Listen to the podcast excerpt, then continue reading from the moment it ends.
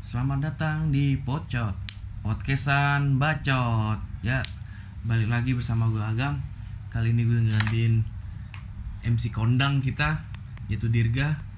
Nah, gue di sini ke- kedatangan tamu nih Tamu jauh dari Bandung tamu lagi. Tamu lagi ya? Tamu lagi. Masih dengan tamu? Masih dengan tamu. Belum Karena belum tetap. ya? belum tetap. Iya iya iya. Di sini lo dengan siapa nih? dengan Lutfi. Nah, satu lagi nih senior kita nih. Senior, paling senior. Senior ada di gua ada gua Dirga yang selalu hadir gantiin Agam. Waduh, keras bong, selalu gantiin. ganti MC ya. Gua gua gua pemain cadangan pengganti.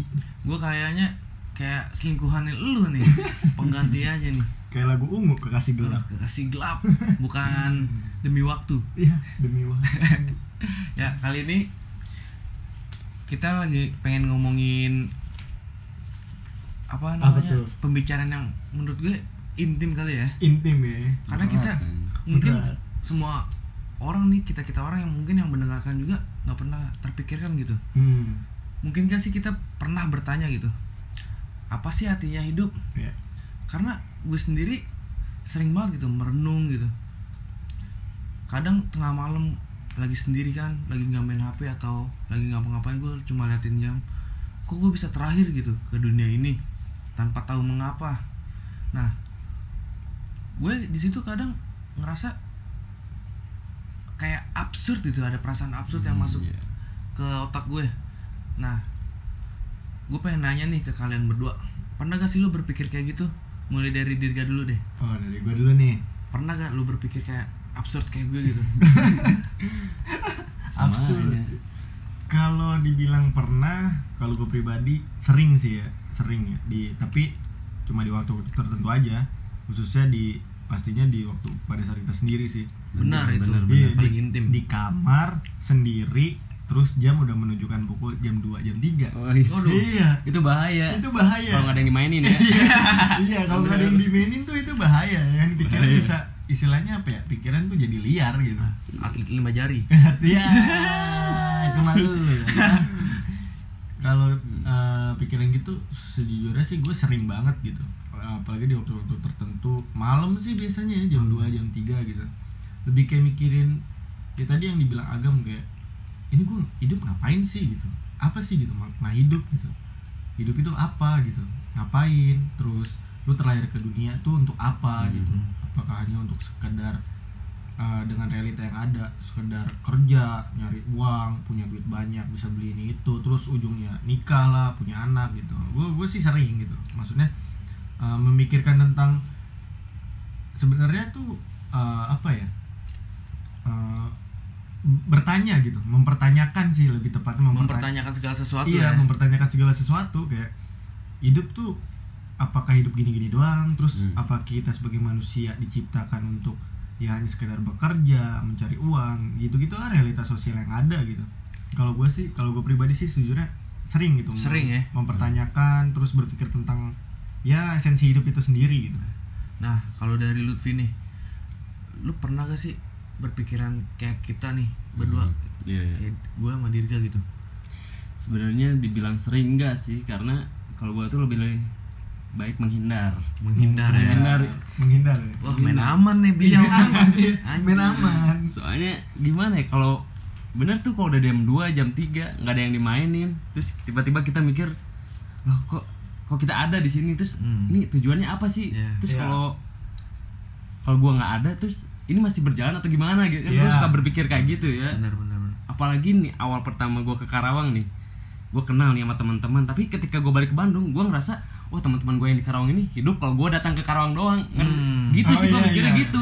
Itu parah tuh dulu pas awal-awal masuk kuliah ya. Kuliah. gue mikirnya kayak Tambah gitu sih. lagi ya. Temen pos. ya sih gue juga ngerasain pertama kali ngekos tuh kayak ada sesuatu yang beda meskipun di situ ada pujaan hati ya iya itu kayak lagu ya gue Ya. tahu tuh kayaknya lagu meskipun sekarang udah jadi ex oh, iya iya iya iya ya meskipun di situ gua sering video callan sering Oh, teleponan. jadi curhat Jadi ya. curhat, iya. Ya, enggak, ya ke- kayak ada sesuatu yang beda aja Nah, gitu ya. Itu sih sekilas aja gitu. Nah, Tapi bener sih waktu gua eh, oh iya for your information juga kita bertiga kuliah di Karawang ya. Kuliah di Karawang. Kuliah di Karawang terus awal-awal masih ngekos tuh. masih ngekos. Emang ya take time buat kita memikirkan itu emang pada saat pertama kali di kosan sih kalau gue pribadi ya sama kayak Iya. Lutfi gitu. Pertama kali ke Karawang terus ke, di kosan otomatis masih awal-awal temen dikit ya Wah, kan. itu dia Iya, makanya. mau main juga masih masih jarang. Kendala di bahasa juga Nggak kan. di bahasa terus pengen nongkrong belum punya temen pasti ujung-ujungnya pulang kuliah ke kosan sampai malam bengong diem ya akhirnya itu. timbul lah pikiran Timbul, itu Timbul pikiran itu, Itu- ya. Bukan yang jorok-jorok kan? bukan Oh, bukan. Yang jorok-jorok. yang jorok-jorok nggak ada temennya percuma Jomblo sekali Anda, Bung. Sad boy. pada saat itu Pada saat itu ya. sekarang nggak tahu deh beban ya itu sebenarnya kalau berpikir kayak gitu tuh gue jujur ya lebih ngehindarin karena ketika gue berpikiran tentang apa ya yang sebenarnya jawabannya tuh nggak bisa gue temuin itu berat sih jadi gue lebih nyibukin diri sendiri aja kalau misalnya malam ya begadang juga paling main HP kalau enggak tuh nonton film Iya. kalau enggak kan ngobrol tuh tapi kalau selebihnya itu kalau nggak ada HP nggak ada apa gue mendingan tidur dah berusaha menyibukkan diri lah Iya, ya gue mendingan tidur lah itu. Bahaya kalau udah diem sendiri itu. Nah, kalau gue pribadi sih jujur aja ya. Bisa berpikir kayak gitu jujur nih baru dua tahun belakangan. Karena Hmm. memang dua tahun belakangan itu gue udah mulai melek literasi ya arti Oh, kata iya. gitu. Hmm. Kadang gue mikir kayak eh ya balik lagi tujuan hidup, hidup kita itu apa sih gitu. Hmm. Terus apakah kita lahir dari ketiadaan untuk menuju ketiadaan lagi? Itu Hmm. yang maksud yang menjadi misteri buat gue gitu. Kadang ya untuk apa sih Tuhan menciptakan gue sebagai pendosa gitu, Hmm, lahir iya. ke dunia kan? Bukankah suatu kesia-siaan bagi Tuhan itu sendiri buat menciptakan gue itu? Bahkan gue ber- berpikir kadang sampai ke situ loh. ya Meskipun sepakat sih. ya keterkesannya mungkin gue terlalu jauh atau gimana, tapi mungkin ya inilah gue gitu Pikiran lu ya. pikiran gue bisa sampai ke sejauh itu karena memang refleksi diri gue tuh muncul gitu Iya. tapi kan terkadang memang bener kata lu kan apa namanya eh eh, sif- memang udah sifat alamiah manusia sih kayak mempertanyakan sesuatu yang susah gitu Iya, sebenarnya untuk iya. dijawab tuh susah gitu tapi ya balik lagi sifat wajar manusia tidak akan membiarkan sesuatu yang kita belum tahu jawabannya tuh Hmm. sia-sia gitu kita pasti bakalan terus mencari mencari mencari jawabannya apa gitu walaupun memang jawabannya itu terkadang tidak ada jawabannya gitu. Iya. iya tidak tidak bisa dijawab. Tapi ya itu udah sifat alami manusia mungkin. Kalau kata Gus Dur gue juga ada kutipannya sebenarnya di saat kita mencari Tuhan mencari hakikat Tuhan sebenarnya Hmm. itu bukan hasilnya yang kita tuju tapi prosesnya itu buat mencari Tuhan. Nah dari proses itu kita sadar realitas kita diri sendiri gitu. Oh mungkin tujuan gue hidup untuk menyembah kepada Tuhan gitu. Ya karena memang Tuhan menciptakan kita tuh ya mungkin hiburan Tuhan gitu melihat kekacauan di muka bumi atau apa karena memang setiap orang kan punya interpretasi yang beda gitu Iya, beda, terhadap beda. makna hidup mereka Iya. sendiri kita Iya. nggak bisa menyimpulkan bahwa wah makna hidup gue mungkin gue harus sukses Iya. Hmm. gue harus kayak Nadim Iya. jadi menteri kan habis dari gojek jadi menteri jangan hidup itu kan maksud gue goalsnya tinggi maksudnya jadi panutan anak muda banget yang Iya, iya, iya. tergila-gila dengan st- startup startup ya emang sih gawe boleh baju bebas tapi kan gaji mencekik. Yang gue tangkap dari teman-teman gue sih gitu. Iya, iya. nah gue punya pertanyaan yang paling esensial sih menurut gue. Esensial. esensial bahasanya. Esensial. Mungkin terlalu berat ya bahasa terlalu filosofis maaf. Ya. Filosofi. Iya. Terus sekalian belajar. Sekalian gue pengen nanya nih sama Dirga nih. Apa arti hidup menurut lo kayak gimana sih? Arti hidup ya. Balik lagi kalau ditanya arti hidup ya otomatis. Kalau menurut gue pribadi ya lo harus mencari esensi dari hidup itu sendiri gitu. Nggak mungkin lu men, lu apa namanya menjalani hidup tapi tidak mempunyai esensi dalam hidup itu. Gitu. Wah, Karena- sepakat sih. Iya karena kan esensi itu ya ini sih yang gue tahu ya dalam KBBI gitu. Esensi itu kan hakikat gitu inti dan hal yang pokok gitu maksudnya apakah lu hidup eh, jam eh, apakah lu hidup tapi tidak merasakan esensi tersebut apakah yakin itu lu bisa menamakan diri lu, lu diri lu itu hidup gitu Hmm, iya, iya. otomatis kan lu hidup pasti untuk mencari suatu arti gitu untuk mencari Itu alasan juga iya ya. suatu alasan juga kenapa nih gue hidup gitu dan untuk pan untuk pandangan gue pribadi hidup itu tuh sebenarnya nggak se apa ya bahasanya? Ya kita sebut nggak sereceh yang sekarang yang ada di realita yang ada sih kalau menurut Hmm. gue gitu. Sebenarnya eh, hidup itu banyak maknanya banyak artinya dan sebenarnya lu bisa mencari esensi hidup kalau lu mempelajari lebih dalam lagi tentang arti esensi hidup itu sendiri sih. Maksudnya gini eh, sebenarnya hidup tuh nggak gini-gini doang loh Hmm. gitu hidup hidup tuh masih banyak hal-hal yang perlu dikaji yang perlu dicari tahu gitu nggak sekedar gue gue sih paling apa ya gue sih nggak bisa bilang benci juga tapi gue agak kurang suka dengan orang-orang yang hidup ya hanya seperti itu, itu aja gitu. terjebak rutinitas Nah, terjebak Iya. rutinitas, lu Nah. lu memandang hidup hanya ya udah gua sekolah selama 12 tahun, terus kuliah, mendapat ilmu, mendapat gelar sarjana, terus lu uh, apa nam- uh, mencari kerja, Iya. habis kuliah mencari kerja, terus dapat kerja, dapat gaji, ya udah gitu. Terus tujuan hidup hanya entar gua dapat kerja, terus gua menikah, terus gua punya Iya, anak. balik lagi anaknya Iya. harus kayak gitu Iya, anaknya gi- harus kayak gitu juga gitu. Kalau menurut gue itu nggak ada esensinya Oh. gitu. Kayak gitu-gitu doang. berarti bisa diambil kesimpulan bahwa Dirga ini membenci orang yang lahir sekolah bekerja nikah lalu mati Iya, nggak benci. Nggak benci Ta- sih, Tapi maksudnya- kurang kurang sependapat Kurang mungkin. sependapat ya, Iya, jadi- kurang sependapat seperti itu gitu. kayak hidup tuh ada aturan main gitu Iya, Hmm. kalau menurut gue hidup itu sebenarnya uh, bukan kayak gini-gini doang, banyak entah itu dari hal ilmu, pengalaman, pengetahuan itu masih bisa ada yang harus dicari gitu. Iya, Sek- iya. Bukan hanya sekedar lu, lu kerja, lu dapat gaji, dapat duit, terus tujuan Nikah. utama lu nikah. gitu. apalagi PNS Nah, itu dia tujuan idaman utama. mertua. Idaman mertua, tapi gue pengen jadi PNS ya. Oh, fuck you fuck you fuck you. Lu dapat gaji. Ampun ampun Iya, dapat- dapat tunjangan yang banyak dan segala macam kalau menurut gua itu itu lu sebenarnya hanya mengikuti realitas yang ada Iya, rutinitas yang ada gitu. Nggak Jadi- benar-benar merasakan hidup gitu. Bisa diambil kesimpulan bahwa karena terjebak rutinitas ini manusia jadi teralienasi. Iya. kalau bahasa Marx tuh terasing gitu. Terasing Hmm, benar. Terasing dari realitanya dia dari sendiri. realita yang ada. Kar- karena gua gue yakin banget nih setiap manusia gitu bukan gua doang apalagi yang seumuran gua deh ya. Kita sebutnya remaja Hmm, gitu iya. milenial sekarang. Pasti itu di dalam benak dirinya pasti banget pernah mempertanyakan ini hidup tuh apakah gini-gini doang? gitu. Hmm.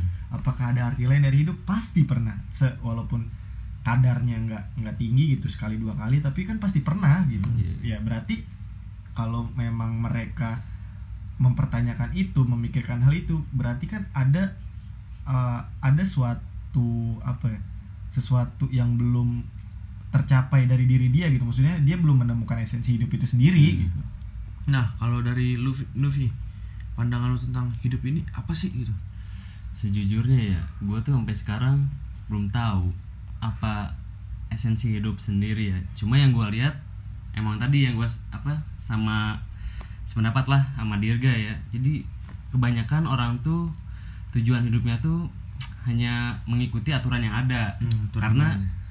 jika kita ingin hidup aman tanpa di apa ya hingga hidup aman tanpa diganggu oleh orang itu kita harus mengikuti peraturan yang ada. Iya iya sepakat. bener ya? Bener. Karena pada- tapi kita tidak tahu tuh Iya. sebenarnya tujuan aturan itu dibuat itu apa. Tapi kita tetap mengikuti itu karena hidup kita nggak mau diganggu. Mm-mm, bener. Kita kayak mau hidup aman tenang kita hidup aja aman gitu. tenang aja. Padahal kan setiap orang gue tahu sih setiap orang tuh punya apa Makna ya, hidup makna hidupnya masing-masing. punya tujuan, Tujuan hidupnya hidup masing-masing. Kalau untuk kalau yang gue lihat ya untuk di orang yang apa ya orang yang udah ngeutarain apa ya udah punya pandangan-pandangan hidup terus eh, arti hidup sendiri itu di negara Amerika sih gue lihat. Oh. karena kalau Amerika tuh gue lihat tuh banyak orang-orang yang kayak ah gue nih hidupnya di alam nih. Dia sampai eh, apa pindah rumahnya di Kayak- hutan gimana jadi mengasingkan diri. Kayak meninggalkan eh, realita apa yang ada. Realita yang ada. yang ada. Bukan realita tapi kemapanannya dia. Iya, nah, ya terus ada yang jiwanya tuh berpetualang banget. Dia dia berpikir kalau hidup gua tuh ya gua untuk buat untuk ngelihat dunia sekitar dia gitu. Ada yang sampai hidup di mobil, di mobil pen kayak gitu. Gua sering lihat tuh di YouTube tuh. Into the Wild Into judulnya. the wild. Sorry. judul filmnya Iya. Sam yang mati dia ninggalin catatan Tuh. Ya kalau buat di Indonesia sendiri sih bener sih kita harus bukan harus ya. Kita kalau nggak ngikuti aturan aturan main di sini udah dianggap susah. berbeda ya? Dianggap beda. Dianggap berbeda. Contoh aja sih dari jangan ngambil dari keluarga deh dari tetangga dari tetangga Iya, sendiri dah. dari tetangga sendiri. Padahal kita punya pandangan hidup berbeda tapi tetangga sendiri yang ngomong ABC ABC ah udahlah. Karena Berat lah. secara tidak langsung dengan seperti itu gitu. Eh, jangan kan tetangga ya kadang-kadang temen juga ngomong ngomong segala macam gitu iya. ya kan. Memang secara tidak langsung walaupun kita apa ya istilahnya bersikap bodoh amat gitu. Hmm. dan kita percaya dengan tujuan hidup kita apa yang kita mau capai tapi dengan omongan-omongan yang ada dan stigma-stigma masyarakat Indonesia Iya, khususnya jadi kita tuh uh, dalam tanda kutip apa ya terdistract sendiri jadinya. Iya. jadi kita mau nggak mau oh yaudah deh gue mau nggak mau kalau gue mau hidup tenang mau hidup aman Hmm. gue ngikutin jalan yang ada aja Iya, gitu iya, kan. bener. ya sama kayak ini tuh itu apa eh, profesi idaman mertua. Gimana coba? Mer- PNS Ah, PNS polisi, Polisi, polisi tentara. tentara. Pokoknya Itu- yang berhubungan dengan pemerintah. Pemerintah. Iya itu Hidup udah aman. udah dianggap oh lu kalau udah jadi udah deh apa hidup tenang. Ya kan? Padahal nggak juga. Kan semua orang tuh beda-beda ya. Iya, betul. bener ya. Nah kalau yang gue tangkap sih apa arti hidup sendiri? Gue nggak bisa nyimpulin juga ya secara Iya. spesifik. Iya. karena memang kalau kata kamus kita terlempar ke dunia tuh ya begitu saja gitu. Nah kadang dunia ini nyimpan jawab apa namanya pertanyaan-pertanyaan yang manusia terus mencari mencari jawabannya. gitu. Hmm. Nah, dari mencari itu sebenarnya manusia sedang mencari makna hidupnya dia. Nah, dari dia mencari makna hidup kalau menurut kamus ya dia se- sedang menuju ke, ke kesia-siaan gitu. Dari kesia-siaan itu menurut kamus suatu hal yang apa namanya? Eh, lumrah gitu dialamin manusia karena manusia tuh pasti seumur hidup pernah mengalami krisis eksten- eksistensial. Eksistensial. Nah, mungkin cuma robot yang tidak mengalami krisis eksistensial gitu gitu. Ya, gue lihat dari pandangan lo berdua, lo udah ngalamin fase itu gitu. Gue juga pribadi udah ngalamin fase itu. Ya, gue juga belum nemu jawaban Iya. apa yang dibalik misteri dunia sembunyi, yang disembunyikan dunia itu. Iya. Nah, gue pengen nanya lagi nih eh tentang masalah apa sih? Kayak lu pernah mempertanyakan gak sih? Kayak apa namanya bagaimana nih alam semesta ini tercipta. tercipta gitu ya kan? Terus juga baga- bagaimana nih? Ya kita bisa terlahir ke dunia ini sebabnya apa gitu? Hmm. Nah, gue pengen tahu jawaban lo dari berdua gitu. ini, ini ini berat sekali ya buat per- buat ini. buat pendengar juga kan yang terjebak rutinitas. Nah. Kadang kita harus mempertanyakan gitu segala sesuatu yang ada di sekitar kita gitu. memang berat topiknya tapi dengan dengan kayak gini kita ingin membuka pemikiran wawasan kalian gitu ya kan yang mendengarkan gitu Ya, Hmm. jangan sampai sih kita terjebak rutinitas kita yang terlalu monoton gitu Hmm. tanpa kita pernah mengetahui gitu esensi hid- esensi atau hakikat hidup kita gitu kayak gimana. Balik lagi ke pertanyaan awal gue pernah gak sih terbesit gitu? Apa namanya pikiran bahwa kok segitu megahnya gitu alam semesta? Apakah ada yang menciptakan atau memang terjadi begitu saja? Atau memang ya mungkin kita nggak bisa juga menafsirkan gitu Hmm. dari jauh jauh apa namanya jauh dari logika kita Iya, pernah iya. gak sih lo berpikir kayak gitu kalau kalau gue pribadi eh balik lagi tadi yang gue bilang gue gue sering mempertanyakan pertanyaan suatu hal yang mungkin menurut orang-orang biasa dan tanda kutip orang-orang normal yang mengikuti rutinitas yang ada itu dianggap receh gitu dianggap nggak Nah, penting gitu itu sepakat banget gue. Iya, tapi sebenarnya men- kalau menurut gue pribadi hal-hal itu penting gitu untuk ya balik lagi untuk diri kita untuk menemukan esensi dari hidup itu Hmm. dan sebenarnya kalau kita mempertanyakan hal-hal itu gitu entah apa sih esensi hidup terus gimana sih alam semesta ini terbentuk dan segala macamnya kenapa kita dilahirkan di dunia gitu Eh, sebenarnya tuh kalau menurut gue penting juga karena untuk apa ya eh, itu tuh untuk melatih eh, sebenarnya untuk melatih kepribadian kita juga sih sebenarnya gitu. Untuk pertama kalau kita mempertanyakan itu berarti ada hal-hal yang memang patut untuk dipertanyakan dan dicari tahu gitu. Iya. nggak nggak sekedar lu eh, membuat dan membuat itu tuh dan membuat hidup lu tuh nggak menjadi monoton gitu. Benar. Kar- karena kalau kita tidak mempertanyakan hal-hal itu ya lu hidup seperti monoton aja kan. Lu nggak mempertanyakan hal itu terus bodo amat ya. Saya gue dilahirkan ya memang udah takdir dan segala macam ya otomatis hidup lu juga bakalan nah, kalau menurut gue pribadi sih bakalan stagnan gitu-gitu aja gitu kembali ke rutinitas yang ada. Karena eh, ya kalau kalian mau kalau lu mau tahu esensi dari hidup itu sendiri ya lu harus mempertanyakan hal-hal yang ya seperti tadi gitu kan. Yang sifatnya esensial gitu yang, ya Iya. yang sifatnya esensial gitu. Terus juga eh, ini apa namanya gua gua, gua baca sedang membaca. Oh, aduh. sedang Sedang- sedang, sedang lagi baca. berarti ya? Iya lagi. lagi la- lagi lagi lagi membaca lagi membaca dunia Shopee. Wih, anjay. lagi membaca ya kan? Gue lagi belajar belajar gitu. Buku Ah. favorit aing itu. Oh, jadi dunia Sophie itu kayak dia novel tapi novel filsafat dengan eh, dengan cara penyampaian yang lebih mudah gitu. Eh, di situ tuh diajarin gitu bahwa sebenarnya kalau men- mau mencari ese- esensi dari hidup Ya. itu sendiri ya balik lagi sih sebenarnya penting juga untuk belajar filsafat. wah filsafat kunci Iya. Filsafat kuncinya ya. the key. Filsafat kuncinya gitu. Eh, aduh. pengen jadi Rocky Gerung kan Uh, masih jauh Bapak. gimana tuh yang ada di novel itu? Ya, Coba jadi ceritain gue dia, sih gue sih eh, baca dunia, dunia Shopee gitu ya. Eh, ini tuh membuka banget jalan pikiran gue gitu. Terutama dengan esensi hidup ini sendiri.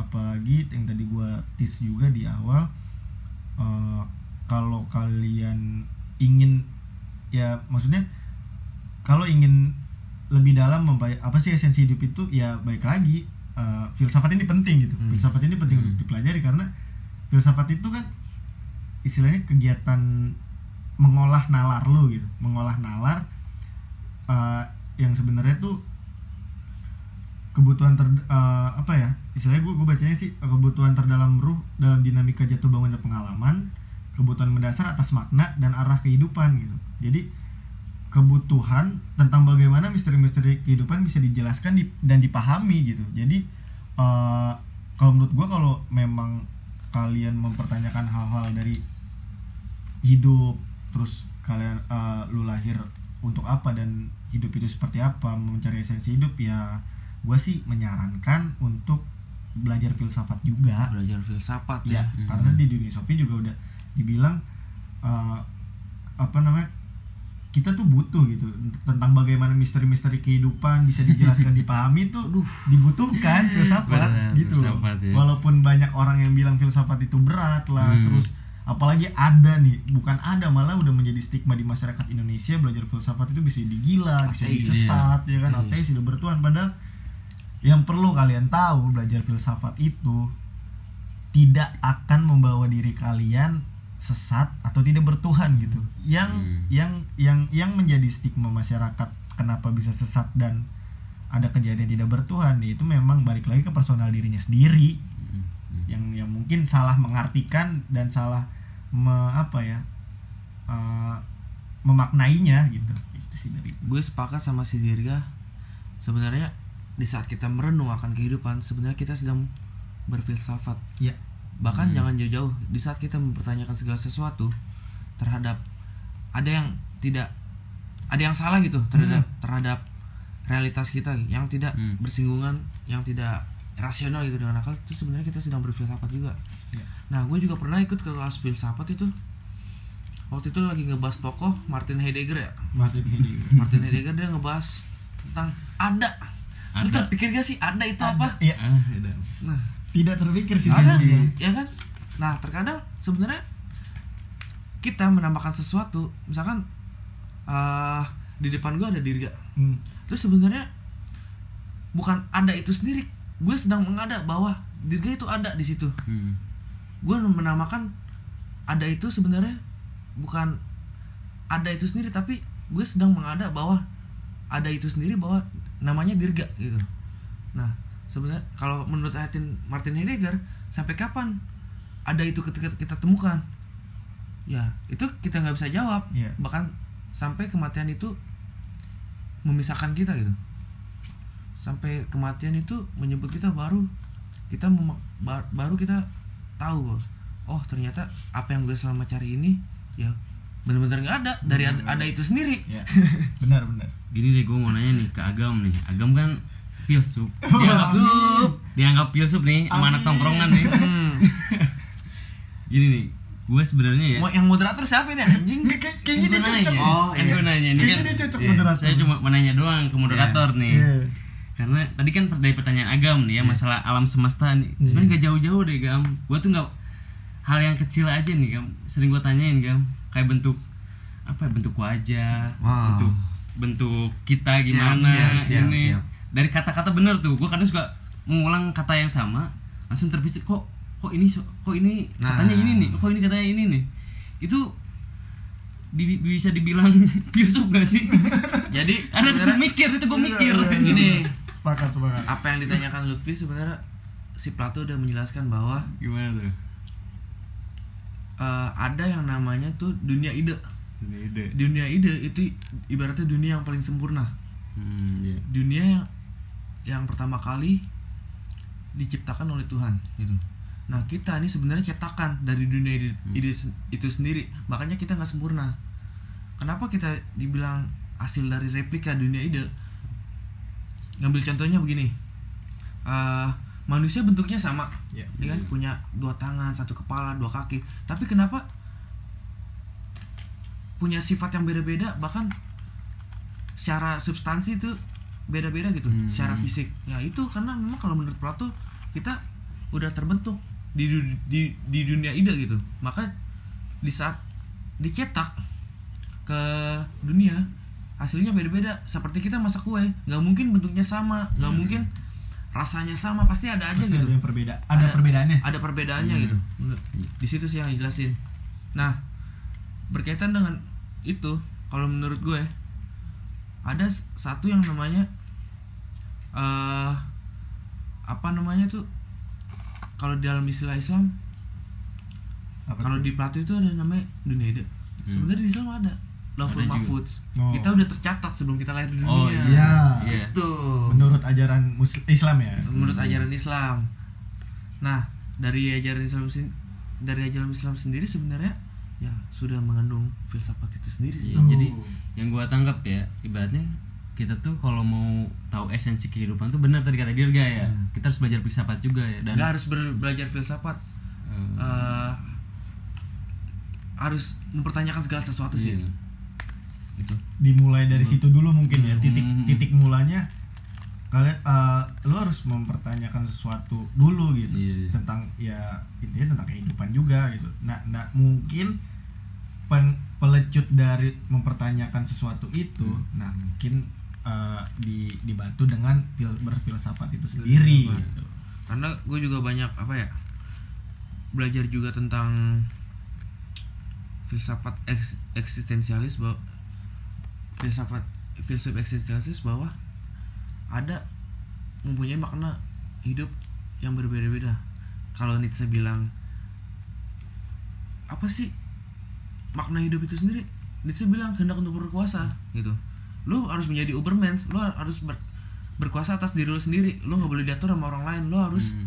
berdaulat atas diri lu sendiri. Nah, kalau Søren Kierkegaard bilang ya eksis- eksistensialis itu sendiri ya lo beribadah kepada Tuhan lo merupakan eksistensi lo harus sadar kan eksistensi lo bahwa alam semesta ini dia yang menciptakan menciptakan. terus dibantah lagi sama Sartre oh nggak bisa dengan adanya Tuhan kita nggak punya kehendak untuk bebas Hmm, tadi makanya lagi gue ya. Hmm, makanya segala sifat tentang Tuhan harus dihancurkan dulu Hmm. sebelum kita sebelum kita tahu jawaban bahwa manusia ini mempunyai eksistensi. Iya. Iya. bukan berarti menghancurkan di sini artian lu menjauh dari agama nggak juga nggak juga Nah, gue juga saranin sama kalian filsuf itu nggak selamanya benar dan selama Iya, tidak selamanya salah. Iya. Ibarat kata tuh kita belajar filsafat dari beberapa tokoh kita punya senjata dalam hidup gitu. Hmm. misalkan filsafat Nietzsche dipakai cocok untuk di saat kita sedang pesimis gitu kita harus optimis sama kehidupan ini nggak boleh pasrah nggak boleh lari dari masalah Hmm. kalau Soren Kierkegaard kita memaknai filsafat saya mem eh saya gue memaksain memaksain Aku deh. Iya, aku deh. Iya, aku deh. Memaknai Kierkegaard tuh ya lu harus berefleksi atas diri lu sendiri sebenarnya alam semesta ini yang menciptakan gitu. Terus dari kamus sama sih dia tipe kayak Nietzsche ya. Iya. Dia lebih ke pada apa kayak sebenarnya eksistensi eksistensi manusia itu sendiri ada di saat dia memberontak. Di novelnya tuh dijelaskan di The Rebel gitu. The Rebel. Nah, Jadi ini kayaknya gue cocok jadi ini ya MC ya. iya kok Iya, lu lu, jadi yang lu yang ini aja udah jadi tamu. Jadi tamu. begini nih Padahal ini- balik lagi ini, ini, Nggak. ini pocot Ini loh, enggak dari pocot loh. sebenarnya gue tadi sebenarnya nanya ya buat ngetes pengetahuan lo aja Oh, iya, iya, sampai iya, sejauh iya. mana sih kan Iya, iya, masa iya. calon sarjana. Nggak pernah mempertanyakan gitu Iya, iya. gelar gue ini apa gitu buat apa gitu Iya. apakah gelar ini Hanya sekedar untuk meningkatkan jabatan di kerjaan, Nah, ya kan? itu Apa- kan tadi balik lagi obrolan tadi itu aturan. Hmm, aturan ya, aturan namanya. itu sarjana-sarjana itu aturan. balik lagi eh kalau menurut Lutfi sendiri nih? eh menurut Lutfi jangan Lutfi deh Diri dulu deh. Dirga dulu deh Dirga ya kan? lagi yang Dirga meng- yang sudah melewati masa krisis eksten, eksistensialis Waduh. Berat. Quar- Quarter, quarter life crisis kali. Qu- quarter life crisis nah lu mulai umur berapa sih mulai mempertanyakan itu kira-kira Gua gua pribadi mempertanyakan khususnya tentang hidup gitu ya. Tentang tentang hidup, tentang apa namanya? Tentang bagaimana hidup itu bisa ada, terus bagaimana lahir. Eh, untuk apa kita lahir ke dunia ini? Sebenarnya gue udah mempertanyakan hal itu sejak SMA sih. Karena balik lagi gue tuh sebenarnya SMA itu bisa dibilang gue edik dengan teori konspirasi. Waduh. Nah, gue gue jujur aja gue edik banget teori konspirasi karena. Gue membaca tentang teori konspirasi-konspirasi yang ada. Hmm. Nah, di situ muncul pertanyaan-pertanyaan. Hmm. Pertama, pertanyaan pertama tuh simple buat gue. Apakah ini benar terjadi atau tidak gitu. Hmm. Khusus untuk apa pun teori konspirasi yang ada itu. Nah, mulai dari situ gue beranjak kayak gue berpikir, oh ternyata hidup ini tuh nggak se apa ya? Kalau menurut gue nggak sereceh yang ada di dunia ini Hmm. gitu. Walaupun memang memang setelah berjalannya waktu, terus baca-baca dan segala macem uh, walaupun teori konspirasi ini tidak bisa dibilang 100% benar, Hmm. tapi dengan gue membaca tentang hal teori konspirasi itu itu tuh melecut gue gitu melecut gue Hmm. untuk mempertanyakan tentang ya khususnya hidup ini gitu apakah dunia ini sedemikian rupa dibentuk misalnya bulat gitu atau yang seperti konspirasi datar itu benar atau tidak itu itu itu melecut, melecut gue sih khususnya melecut gue untuk mempertanyakan esensi dari hidup ini gitu. Gue gue sih bermula dari situ gitu. nah kalau dari Lutfi sendiri lu bisa berpikir kayak gitu dimulai umur berapa sih? Kayaknya lebih tepatnya tuh ketika gue baru masuk SMA deh. Masuk SMA ya? Sebenarnya. Karena gue tuh berpikir mulai berpikir mulai bertanya-tanya tuh ketika aturan aturan mainnya tuh udah mulai kena gue gitu Hmm.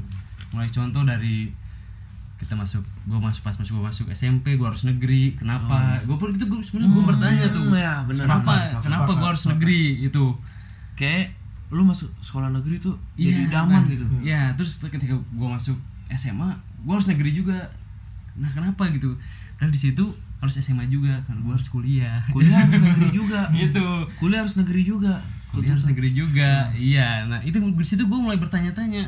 Mulai sampai mulai gimana ya hal-hal yang kecil deh sebenarnya yang mulai gue pertanyaan itu dari eh, apa ya em, stigma-stigma masyarakat tentang perempuan deh. Widih. contoh. Enggak soalnya ini apa ya gue tuh mulai mempertanyakan dari SMA tuh. Kok Iya. ketika SM baru keluar SMA kok eh, perempuan tuh udah tiba-tiba kepikiran buat nikah. Hmm, gitu itu gue berpikir sumpah sumpah ya gue Tapi- berpikir. biar nggak terkesan misogini sebenarnya semuanya. Iya. Hmm. nggak cu- apa namanya laki-laki dan perempuan sebenarnya punya pemikiran kayak gitu iya. sih. tiba-tiba kok nikah kok nggak ada nggak ada kepikiran buat ini, ini ini. Nah itu tapi nah tapi gue lihat juga ini karena ada dorongan dari masyarakat sekitar juga. Balik lagi itu gue berarti balik lagi tuh stigma masyarakat stigma ya. masyarakat. Nah. gue mulai bertanya-tanya dari situ sebenarnya. berarti secara nggak langsung bahwa ah, yang yang menjadi landasan berpikir lu itu sebenarnya masyarakat itu sendiri. Kenapa sih gua harus nun- nuntut kemauan apa namanya penuhin mas- kemauan masyarakat gitu? Iya. padahal di saat kita udah mencapai itu ya mereka nggak ngasih apresiasi apa pun. Iya benar. cuma hanya kebanggaan diri sendiri. Dan itu pun ya selangnya paling lama sebulan. Gue masuk negeri lo kuliah negeri lo Iya. aduh. Serius? Itu, pengalaman Legam. gue pribadi ya? Bener gam bener gam ya kan?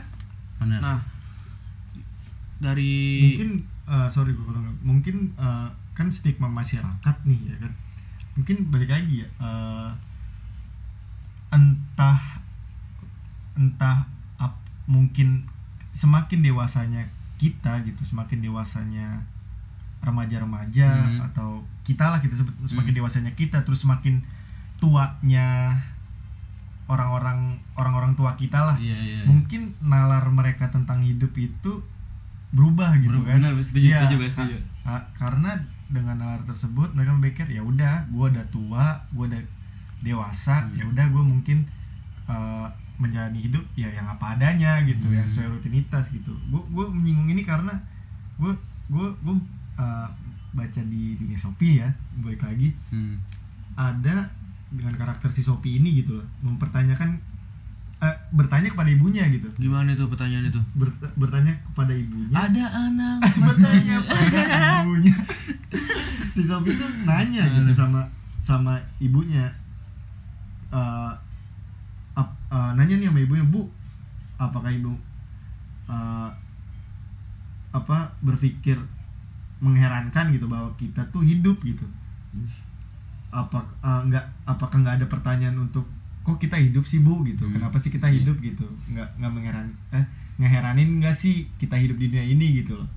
Terus ya si ibunya si Sophie ini bilang ya ya, kadang-kadang kayak gitu sih gitu loh. Hmm. kadang-kadang kayak gitu sih. Tapi eh, dengan jawaban itu si Sophie kan nggak puas ya. Dia dia Hmm. menganggap kalau ya mungkin orang dewasa itu ya dia menganggap ibunya ini orang dewasa itu mungkin sudah tidak mempunyai lagi eh, apa ya kemauan gitu Hmm. untuk merasakan atau mencari tahu tentang esensi hidup sendiri Hmm. padahal seharusnya itu penting gitu karena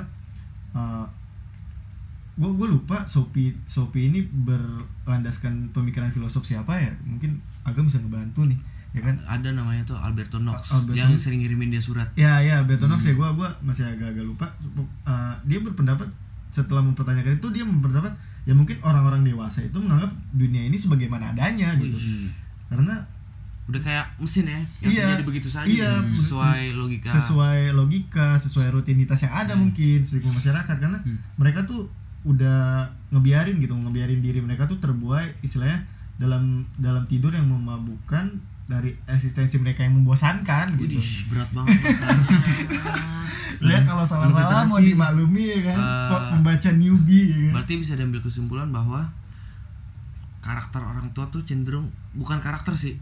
Mungkin masyarakat kita ya cenderung pragmatis gitu. Iya. Mungkin yang bisa berpikir kayak gini ya hanya segelintir orang. iya yang mempertanyakan Ya, Yang coba lu ke tongkrongan lu, lu tanya satu-satu, apa sih artinya hidup? Pasti langsung dibahas sama teman-teman lu. lu lagi mabuk Iya. Sama itu seperti itu. Iya, sama itu seperti kayak di buku Dunia Sopi, ibunya juga menjustifikasi kalau si Sopi ini mempertanyakan hal itu ke ibunya yang tadi gua Hmm. cerita. Ya, menganggap ini si Sopi kayaknya pakai obat-obatan nih. Obat-obatan. Iya, pakai lagi lagi pakai obat-obatan gitu. Ibunya juga heran kenapa anak apalagi diceritakan si Sopi ini 14 tahun gitu. Sudah Iya, iya. mempertanyakan hal yang apalagi menurut orang tua, lah ini orang kenapa gitu. Hmm. Apalagi masa lalu tuh belum belum layak lah istilahnya Iya. mempertanyakan hal itu gitu. berarti bisa dikesimpulan bahwa untuk memahami hidup ini sendiri coba deh lu berkaca kepada diri lu lu ngomong di situ face to face ya kan? Buat apa sih ya kan? Kita hidup gitu. Secara apa intim mungkin sendiri lu di kamar kan lu ber- lu lagi kaca nih lu ngomong tuh sama diri lu sendiri. Ya mungkin itu salah satu jalan gitu buat diri lu mengenal kehidupan ini. Kenali dirimu sendiri sih kalau menurut gue ya. Nah mungkin pembahasan kita kali ini sampai di sini aja kali ya tentang masalah hidup ini yang terlalu apa namanya terlalu berat terlalu berat kali Berat. Eh, nah enggak ada pertanyaan terakhir nih Waduh ada nih. luput nih Kirain beres nih. Eh, apa namanya ya kayak lebih ke eh, apa? Gue lupa tuh namanya. Apa tuh? Konklusi ya? konklusi oh ya kesimpulan. Kesimpulan. Kesimpulan dari tema kali ini tema kita kali ini nih. Kan tadi gue udah maparin nih. Iya. ya. Untuk menuju kehidupan ini eh, untuk belajar kehidupan ini itu Untuk mencari sih? esensi hidup kali ya. kayak gimana sih? Nah menurut dari pandang Lutfi kayak gimana sih?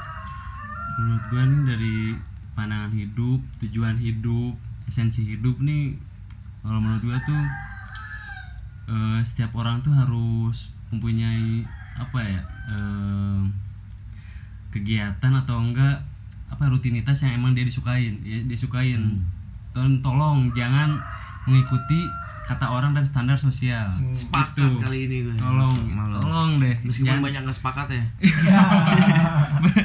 Tolong jangan terlalu ngikutin apa ya apa yang dikata orang apa yang apa ya jadi aturan or- eh, orang lain. Berarti lu menganut kultur fuck society ya? Fuck society. fuck society. Ya bisa kali ya. Jadi ke film Joker lagi ntar society udah udah. Nah, kalau dari diri dari diri sendiri deh. Gua apa gua maksudnya mungkin eh, gua gua ngutip lagi kali ya dari buku dunia sopi Eh, kayak apa ya sebenarnya hidup itu kayak dua sisi mata uang gitu. Kayak, eh, i- tapi berulang-ulang dibalik gitu. Kayak semakin besar terus semakin jelas di satu sisi lain terus sama juga di satu sisi lain semakin besar dan semakin jelas pula di sisi lainnya. Eh, intinya eh, lu tidak bisa merasakan hidup tanpa menyadari bahwa lu nantinya harus mati. Nah kebalikannya sama mustahilnya juga bagi kita buat menyadari bahwa kita harus mati tanpa memikirkan betapa menakjubkannya hidup itu gitu Wih, berat banget. jadi menakjubkannya hidup itu ya. Iya. Berarti secara nggak langsung bahwa ada dua apa namanya dua perspektif nih eh dua bukan dua perspektif sih kayak dua bener balik lagi dua sisi gitu Iya, dua sisi. ya kalau lu nganggap hidup ini hanya sebatas kematian Hmm. tapi ada di lain sisi lu harus menganggap bahwa ini hidup ini menakjubkan kan Iya. gitu Kalau kalau merasa hidup ini ap- apa namanya lu lu menye- lu menyadari nih kematian itu hadir Hmm. ya lu buat gitu esensi hidup lu gitu lu cari makna hidup lu gitu biar lu nanti pada saat lu menyadari kematian itu makin dekat lu tuh udah Nemu apa ya esensi. iya udah nemu esensinya dan puas gitu puas ya dan puas nggak Hmm. dan ini kan lu kalau mati gitu Jadi, ya, penasaran di, gitu, di akhirat penasaran. nggak sia-sia Iya. tadinya gue apa namanya berbuat baik kepada orang kan I- misalkan kayak gitu. iya. Kenapa gue nggak gitu ya? Kenapa gue nggak gitu gitu? kalau gue gitu kalau coba udah mati kan nggak bisa hidup lagi gitu. Iya iya. Nah mungkin pembahasan kita kali ini lu belum nih? Tadi kan gue udah Oh, kenali dirimu merangkum ya? sendiri. Oh, iya. dari dirimu sendiri. Kenali dirimu sendiri kayak bercermin gitu kan. Bercermin. Lu tanya dah arti hidup tuh depan cermin tuh. Intinya jangan terlalu apa ya terlalu berorientasi dengan hal-hal yang istilahnya sekarang kita lihat gitu kayak berorientasi dengan uang lah pragmatis, ya. pragmatis lah eh, memang kita ya gue juga pribadi gitu yang nggak nggak nggak munafik juga butuh uang Iya. gitu butuh uang terus butuh pekerjaan mau nikah mau Tapi- punya anak gitu tapi itu tujuan ini loh tujuan hidup ma- masyarakat modern sekarang gitu. Iya, itu. itu. Makanya- maksud gue eh, ya boleh kita mempunyai dan berkeinginan seperti Hmm. itu. Tapi lu juga harus tahu juga dan Hmm. mencari makna dan esensi hidup itu sendiri gitu. Biar hidup lo nggak sia-sia aja sih. Gue sih lebih ke situ ya biar nggak sia-sia aja nggak nggak hidup gitu-gitu doang. Itu salah satu apa namanya yang tadi gue nulisin Lutfi bahwa memang salah satu konsekuensi masyarakat modern di saat masih apa namanya eh, kit- tenaga manusia tuh udah gak dibutuhin lagi tuh. Hmm. sekarang kita lihat deh kita dikit-dikit pengen makan pesan GoFood Hmm. pesan GrabFood. GrabFood. Nah kan secara nggak langsung itu udah me- mereduksi fungsi manusia itu Hmm, sendiri iya. gitu, yang aktif gitu. Mungkin pembahasan kita kali ini segitu aja kali ya. Kita Iya, terlalu banyak. terlalu banyak nih kalau kalau dua menit lama nih Iya sebenarnya. lama ini sebenarnya. Karena sampai mati bahkan gitu. Karena- Bener nggak? Iya ngomongin hidup tuh lama-lama sebenarnya nggak nggak nggak dapat tujuan eh bukan tujuan nggak dapat jawaban yang pasti gitu. Hmm. Jawabannya balik lagi ke mungkin diri sendiri diri kali ya. sendiri itu punya Iya, jawaban masing-masing. Punya, punya jawaban masing-masing. Segitu aja kali ya. Dari gue Agam, Dari gue Lutfi. Ada gua Dirga, ya, kami dari Pocot, podcastan Bacot. Bacot. Stay tune. Stay tune. Dengarkan episode-episode kami. Oke. Bye. Bye.